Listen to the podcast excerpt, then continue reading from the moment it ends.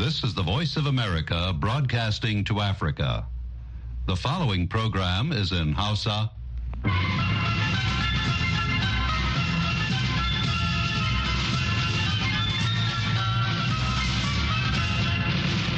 Sashen Hausa na murya Amurka ke magana daga nan birnin Washington DC. Masu sauraro Assalamu alaikum barkanmu da asuba da fatan an wayi gari lafiya. Sunana Hawa Sharif tare nake da Baba Yakubu Makeri da sauran abokan aiki.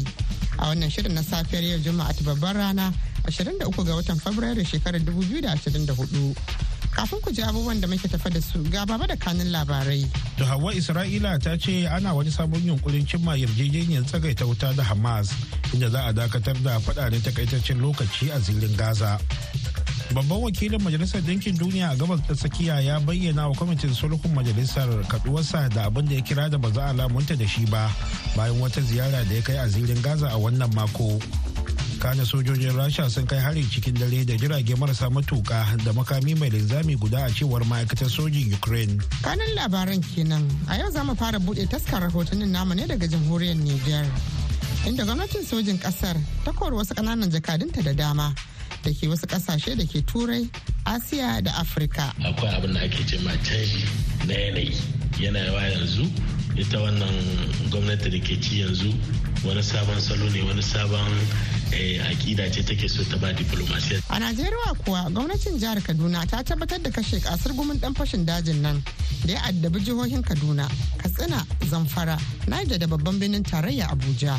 Wato badari isyaku tare da wasu manyan 'yan bindigan da ke tare da shi.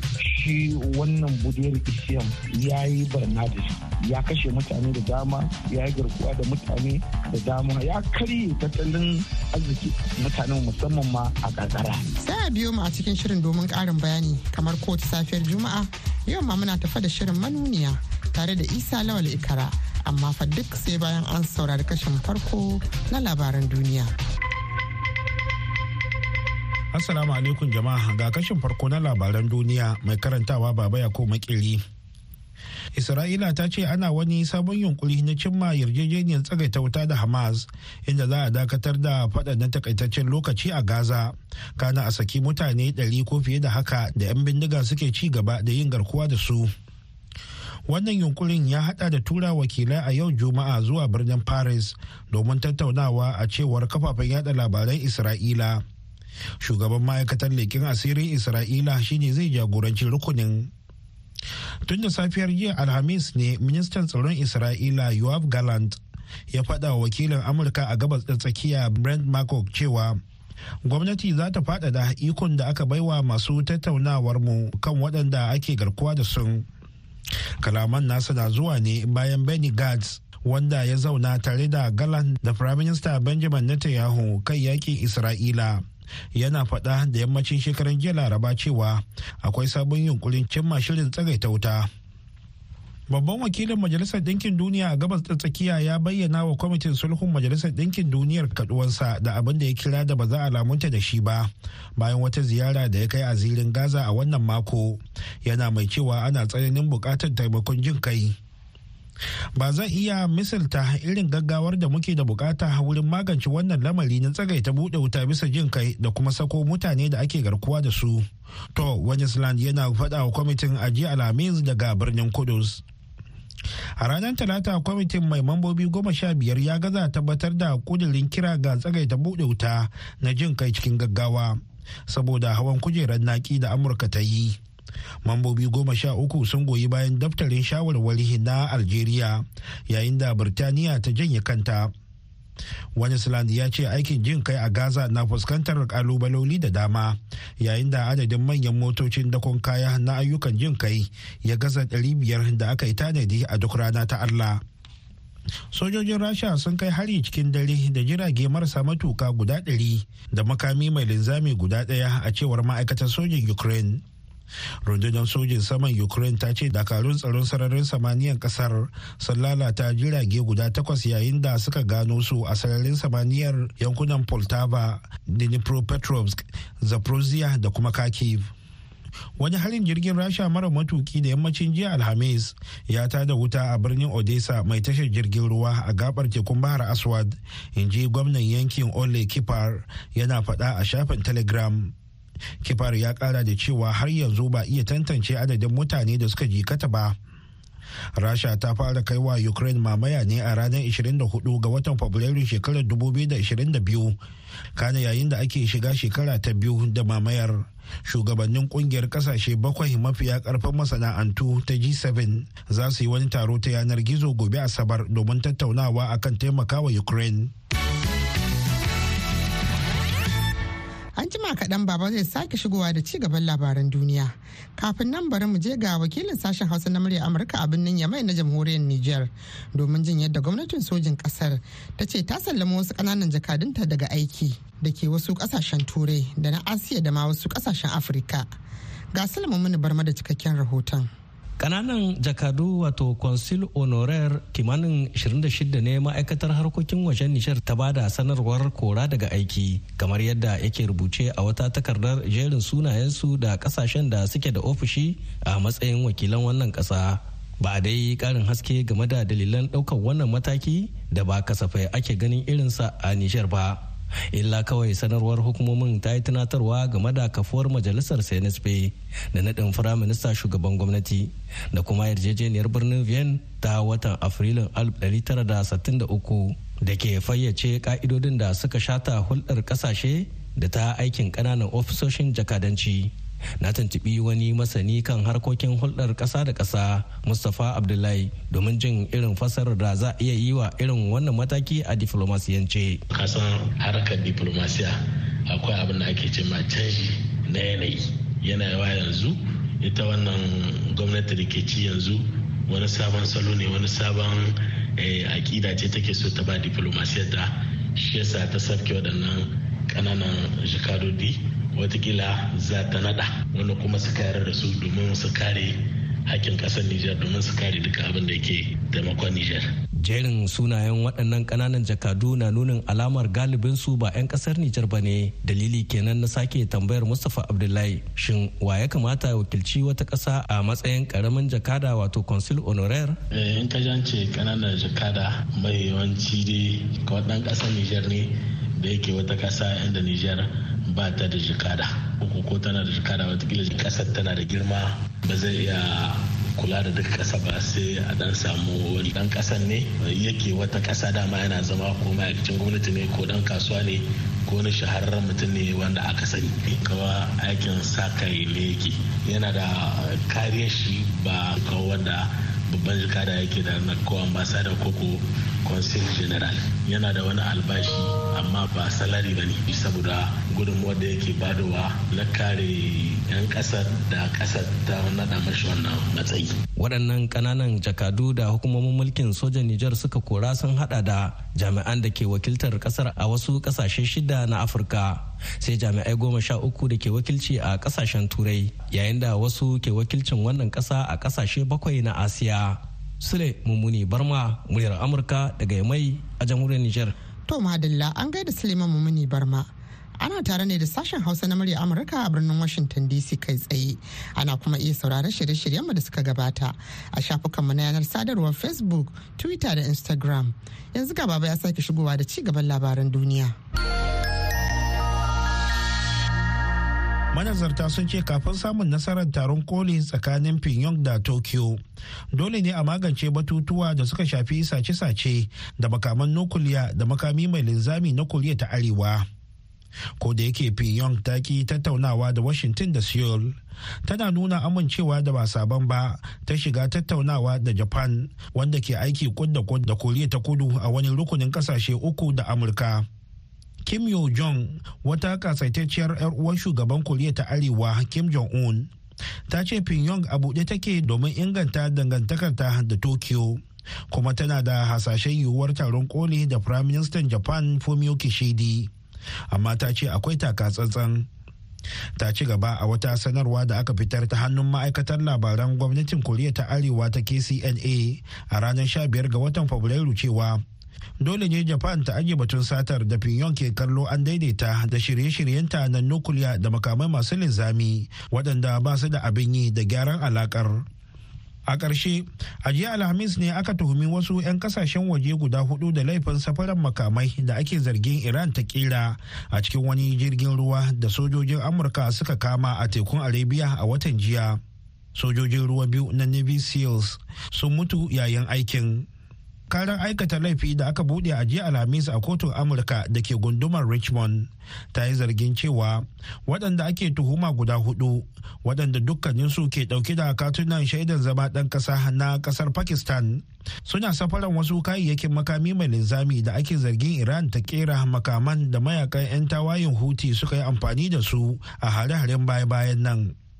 Kwararren makamai masu linzami da sauran manyan makamai daga iran zuwa dakarun 'yan tawayin huti a yaman yana barazana ga jama'a da kuma muradun amurka da ƙawayenmu a yankin in ji ƙaramin lauyan gwamnati liza monaco a wani sako ga manema labarai.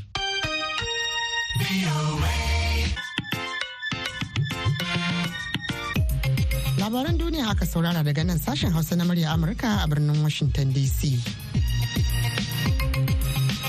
madalla yanzu kuma sai jihar Kaduna Najeriya inda gwamnatin jihar ta tabbatar da kashe ƙasar gumin dan fashin dajin nan wanda ya addabi jihohin na Kaduna, Katsina, Zamfara, Niger da babban birnin tarayyar ƙasar wato Abuja.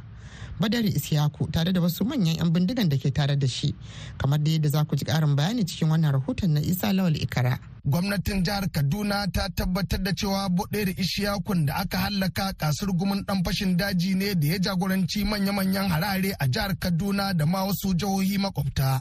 In ji mukaddashin kwamishinan tsaro da harkokin cikin gidan jihar kaduna malam samuel aruwan. Shi wannan budiyar isiyam ya yi barna da shi. Ya kashe mutane da dama ya yi garkuwa da mutane da dama ya karye tattalin arziki mutanen musamman ma a karkara. Don kuma kai la'akari da hare-hare shi ya jagoranci harin da aka kai a wannan makarantar nan na koyar da abin da ya shafi gandun daji ya yi garkuwa da ɗalibai talatin da tara. Shi ya je kuma wannan makarantar nan na da ake horar da ƙananan hasoshin soja wato nda ya kashe manyan sojoji biyu sannan kuma ya garkuwa da mutum ɗaya. Har wayo kuma mai martaba sarkin bungudu da ke jihar zamfara yana kan hanyar shi a kusan shekara biyu da suka wuce shi ya yi garkuwa da mai martaba sannan kuma ya kashe dogaran shi a ɗan sanda guda ɗaya. To sai ga shi allah cikin hukuncin sa ya ba mu nasara daren laraba zuwa wayewar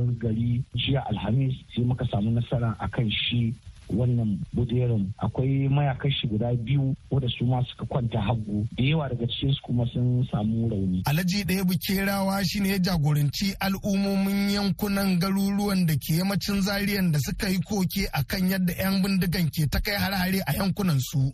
Kuma ya ce jin labarin kashe wannan ƙasar gumin dan fashin daji ya sa sun fara jin akwai yiwuwar su koma gona bana. To farko dai ba abin za mu ce ma Allah ya zuwa wayewan garin yau sai godiya. Korafin da muka yi ya fara tasiri ya zuwa yau. Dan yau an kashe gagarumin mutumin da ke kashe al'umma yake hana su noma yake hana su kwana da ke gidansu yake tasar da mutane mutane suke barin ƙauyaku zuwa bariki. Ya zuwa yau gwamnati ta yi nasarar kashe shi. To mutanen yau wasu ma da yawa sun tashi da azumi ne sakamakon wannan nasara da aka yi na kashe wannan ɗan ta'addan. Ko muna ma sojoji addu'a na ƙara samun nasara. Kuma ya kamata su ƙara samun ƙarfin gwiwa. Don haka akwai tunani in Allah ya da inda ba a nomawa ba inda aka ci gaba da wannan ƙoƙarin in Allah da bana za mu noma shi insha Allah. Masana harkokin tsaro irin su manju yashin kuma ritaya ma na ganin dole ne a jinjina wa jami'an tsaron wannan ƙasa akan wannan nasara da suka yi. Sai dai kuma ya ce duk da wannan nasara bai kamata jami'an tsaron su yi bacci ba. Hakika kashe wannan ƙasar gumin dan bindiga da jami'an tsaro suka yi abin alfahari ne kuma abin ayaba musu ne. Duba da cewa ya daɗe yana cin karen shi babu baka yau cikin iko Allah wannan nasara da aka samu in abin a doge ne a ci gaba da kai farmaki irin wannan to ina gani za a karya lagon su. Musamman aka ce shugaba irin wannan ya faɗi zai zama kare ya gwiwa ga yan baya waɗanda suke tare da shi za su sa shakku kuma kila ma ta yi sanadiyan wasu su bar irin wannan abu. Amma ba lokaci ba ne da sojojinmu za su kwanta kamata yayi su ƙara kaimi su kasance sun ci gaba da kai farmaki tare da fatan ubangiji Allah zai sa a ƙara karya lagonsu ta yadda kamar yadda dama muke faɗa Kaduna dai ita ce jiha wadda in ba a ɗau mataki yadda ya kamata ba to za a yi ta dawowa nan ne da amai da wurin nan sansani. Wannan aikin jami'an tsaron da ya sanadin kashe wannan ƙasar gumin 'yan bindiga dai ba karewa ya ba.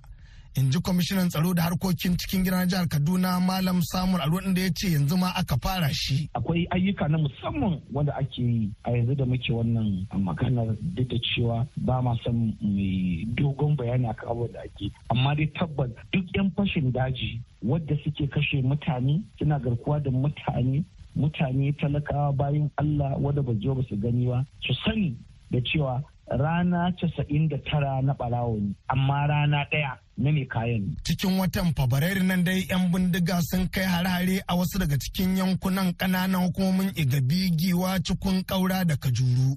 Sai dai kuma wannan nasarar hallaka ƙasar gumin ɗan fashi boɗeri da sauran masu aiki tare da shi ka iya kawo ƙarshen hauhawar barazanar tsaron da ake samu a waɗannan yankuna baki ɗaya. Isa Lawal Ikara, muryar Amurka daga Kaduna. A Najeriya.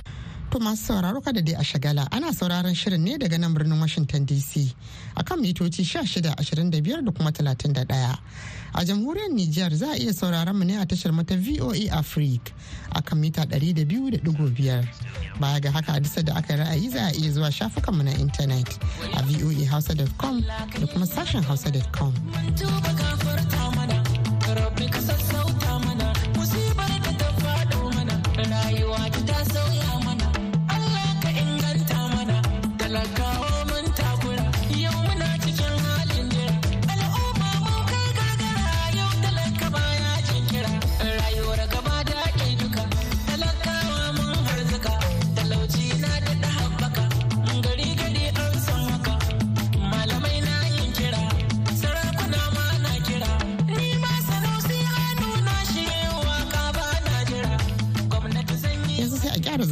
shirinmu na gaba. Manuniya.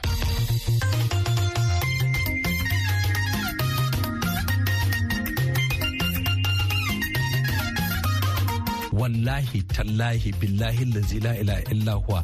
In ba a canza tsari ba ba abin da zai gyaru. Tun daga tsarin fito da yan takara da komai. Gara mu koma mu abin da ya muna. Koma mu prime minister daga shugaban kasa. Wasu yan majalisu kenan ke tabbatar da tuntuban turgude tsarin shugaban kasa mai cikakken ikon da suka ce idan aka kalli tsarin za a ga yana dingishi sai dai kuma manyan sarakuna da mafasa bakin al'amuran da kan kai komo sun yi wani tuntube da dingushi ba ba ke da ki son ba. In dai za mu ci da wani mulki ba ku zama zauna lafiya ba ba wai tsarin mulki ba ne matsala shugabanci mai adalci shine yake sawa ƙasa ta ci gaba. Game da tsabar tsananin tsadar rayuwar da aka tsinci kai a ciki a Najeriya kuwa shugaban majalisar wakilai na Najeriya ne ce kwanan nan talakan Najeriya zai yi murmushi. Mun zauna da shugaban ƙasa a baya an tabbatar mana duka waɗannan kayayyakin abinci za a ga suna sauka kuma cikin nan da 'yan satuttuka in Allah ya so za a ga wannan canjin. Waɗannan ba so mun muka tattaɓo cikin tarin muryoyin da za ku ja cikin wannan shiri na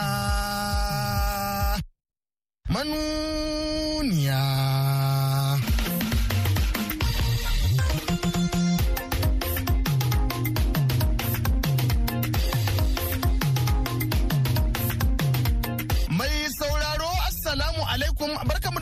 Lokaci kuma sanin da sa'ar sake saduwa a cikin sabon shirin manuniyan da ke ƙoƙarin kwakulo mafitar da za ta kore wa dukkanin masu haren mu fushi. Shiri na ɗari da hamsin da takwas cikin jerin shashiren manuniyan da ke son ganin kowane ɗan ƙasa ya ci ya ƙoshi. Me yiwuwa ƙoshin kuma amma fa da irin facaka da dukiyar da ake wajen zaɓe a Najeriya ta sa tsohon ɗan majalisar wakilan tare Najeriya Malam Abakar Cika Adamu ya ce ya gano mafi akasarin 'yan siyasa a Najeriya ba su da wani kishi. Duk wanda ya ce za a gyara Najeriya a wannan tsari karya yake. Wallahi tallahi billahi lazi la ilaha illa huwa.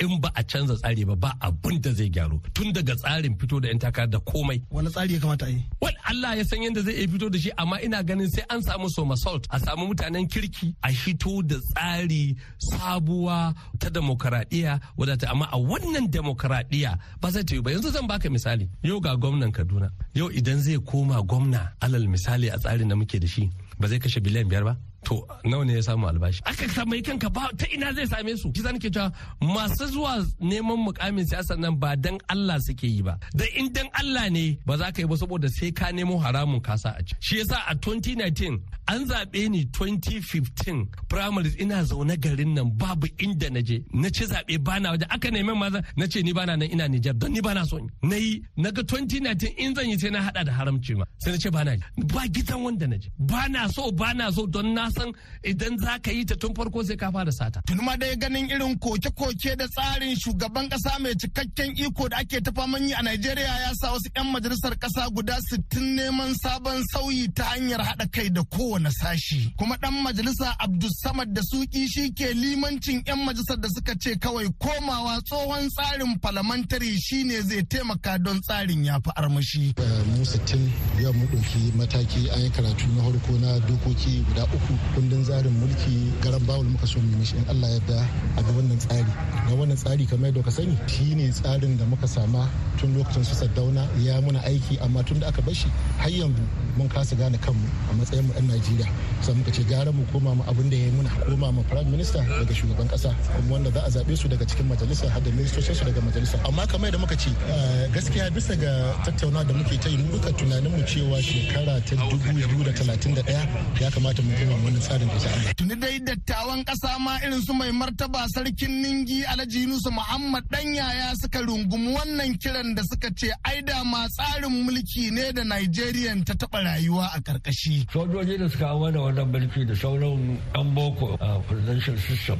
Shi shi da kyakkyawan niyya to amma sun manta menene al'adar Najeriya to ga shi nan ya fi ƙarfin mu ya yi mana tsada sa'an nan babu yanci a cikin sa ba da yanzu parliamentary bishi wallahi da ci gaban mu da ya faka ta ina za a yi wannan gyara? Jama'a za a nemi ai. Duk taron nan da ake yi parliamentary system ko ban riga mun san shi da ba. Ba zai zama mana wani wahala ba sa'an bayi da tsada. Har ma ana mu tsarin mun ce region din guda shida kowanne ya samu prime minister. Mun ce bakin shugaban kasa in ana son ƙasar nan ta ci gaba. In ba ba za ku parliamentary system ai wani tsari. Amma wannan presidential system lalle ba zai dace da ba. In neman ɗauke ta totality. America kuma abin da ya wanda mulki ya dace da su ba gurin kowa ba ne. Mutane ne kwarin kila aka taru aka taru dudure aka zo. Allah ya ɗaukaka ta. Kuma ba ba ke da son ba. In dai za mu ci gaba da wani mulki ba ku za mu zauna lafiya ba. shi ma dai shehun malami sheikh dr ahmad gumi ya ce tsarin prime minister a matsayin jagora a ƙasa da sa 'yan siyasa su daina warkajama da kuɗi a wurin zaɓen da suke ɗauka. Wannan kuma shine adashi. a kawo tsarin parliament wato majalisa zai rage sayan kuri'u ko zai rage iyakan da'irar da ake zaɓe domin wakilai wakilai ne za zaba kaga ya rage da'ira din ya rage ƙarfin amfani da kuɗi. Amma yanzu an baka najeriya duka a ce ka nemi shugabancin ta ai sai ka kashe miliyoyin kuɗi. Yanzu an ga wasu 'yan majalisa har su sittin suna ta ƙoƙarin ganin an dawo tsarin parliamentary. Wasu na ganin ko an canza in dai mutanen na nan 'yan ƙasar abin na iya ci gaba me kake ganin fa'ida ko alfanu? Canja zai zai kawo sauƙi ƙwarai da gaske. Domin zababbin nan ma su ne ministoci su ne ke kula da gwamnati abun zai sauƙi bi iznillahi. Amma yanzu an zaɓi shugaban ƙasa ya ɗauko mutumin da ko tsaya mimbarin siyasa ba sai su kuma ke tafiyar da gwamnati. Kaga chief of staff ya ɗauko shi ya ɗauko mutane da ya ba su makaman da ba amma mutane suka sani ba to irin shi ke kawo wannan barna da muka gani. Sai dai kuma malamin jami'a Dr. Faruk Bibi Faruk ya ce ai na tsarin mulki za a yi amfani da shi a Najeriya babu wani abu da zai sauya matuƙar dai shugabanni na nan akan akidar su ta rayuwa akan ganin kyashi. Ba wai tsarin mulki ba ne matsala a gaskiyar magana. Shugabanci mai adalci shugabanci wanda yake ya sa ci gaba a gaba. Shugabanci wanda babu rashawa da cin hanci shine yake sawa ƙasa ta ci gaba. Ba wai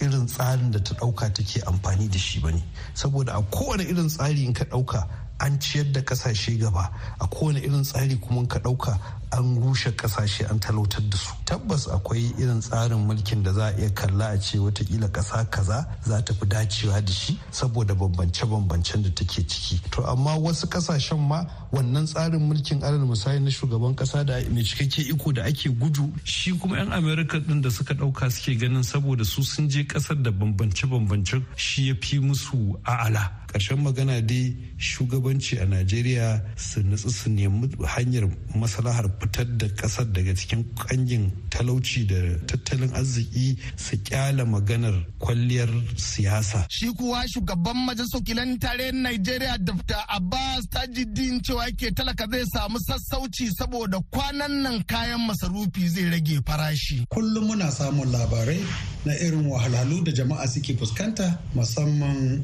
akan abin da ya shafi abinci. Shi yasa za ka ga mafi yawan 'yan majalisa a wannan kannin muka fi ba da fifiko a kan siyan kayan abinci mu je mu raba mu al'ummanmu. Kun ga dan taka rawar da muka yi karken shekara da wuce inda muka sa gwamnati lallai ta tsanadar da wani dan kuɗi ga kowane dan majalisa na wakilai da na dattijai don ya je ya sai abin kayan abinci ya taimaka ma al'ummarsa a rage musu wannan raɗaɗi.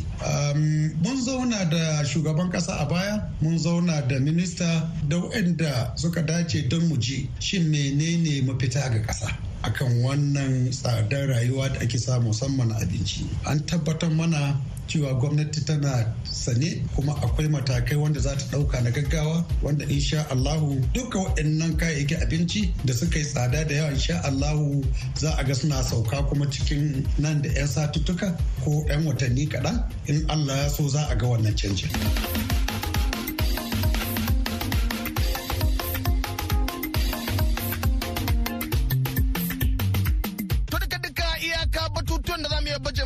Cikin shirin manuniya na wannan mako sai dai kafin mu yi sallama sai mun sanar da dukkanin masu dafa da marafin iko cewa kwanakin da ake keɓe musu fa ƙara ƙarewa suke kullum kwanan duniya kamar dai numfashi. Domin kuwa daga juma'a na ma saura kwanaki dubu ɗaya da ɗari ɗaya da casa'in ne su yi sallamar sakin kujerun kuma babu wanda zai ce wai sun cancanci rarrashi. Kuma madadin dukkanin waɗanda kan taimaka wajen tabbatar da wannan shiri ya zo muku musamman ma dai abdulwahab muhammad na jihar bauchi da kuma mahmud ibrahim kwarin jihar kanawa sai maman manuniya madina daudan da kan yi daudalar dawo mana da muryoyi kashi-kashi. Ni isa lol ikara da kan shirya an gabatar ne nake cewa sai kuma mako idan allah ya sake sada ma cikin wani sabon shirin na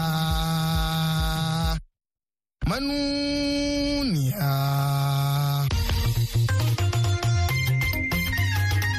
To madalla masu sauraro ga nasihar juma'a.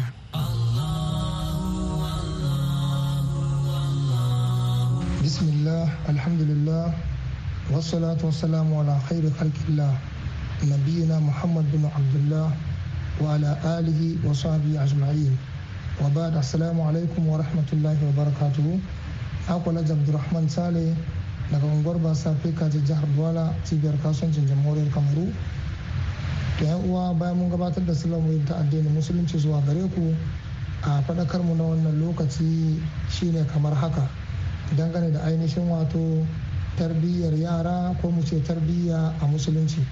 Abinda za mu gane allah subhanahu wata'ala ya ja hankulin baki ɗaya bayan ya aiko manzon allah sallallahu alaihi wasallama da yake cewa ba da a'udhu billahi minash shaitanir rajim.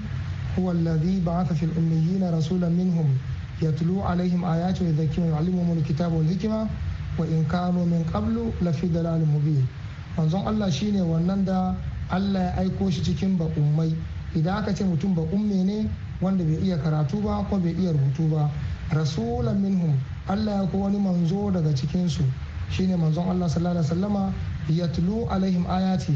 Ya zamo yana karanta ayoyinsa. Shi ubangiji wato yana karanta musu ayoyin Allah. Ya karantar da mu yadda za mu karantar da iyayenmu za mu tarbiyyatar da yara. Su ne ainihin wato a mu fara tusa musu son manzon Allah. Sallallahu alaihi wasallama wa hubbu ahlul baitihi da soyayya na iyalansa su ne ahlul bait da kuma ainihin wato a wakiratul qur'an wannan shi ne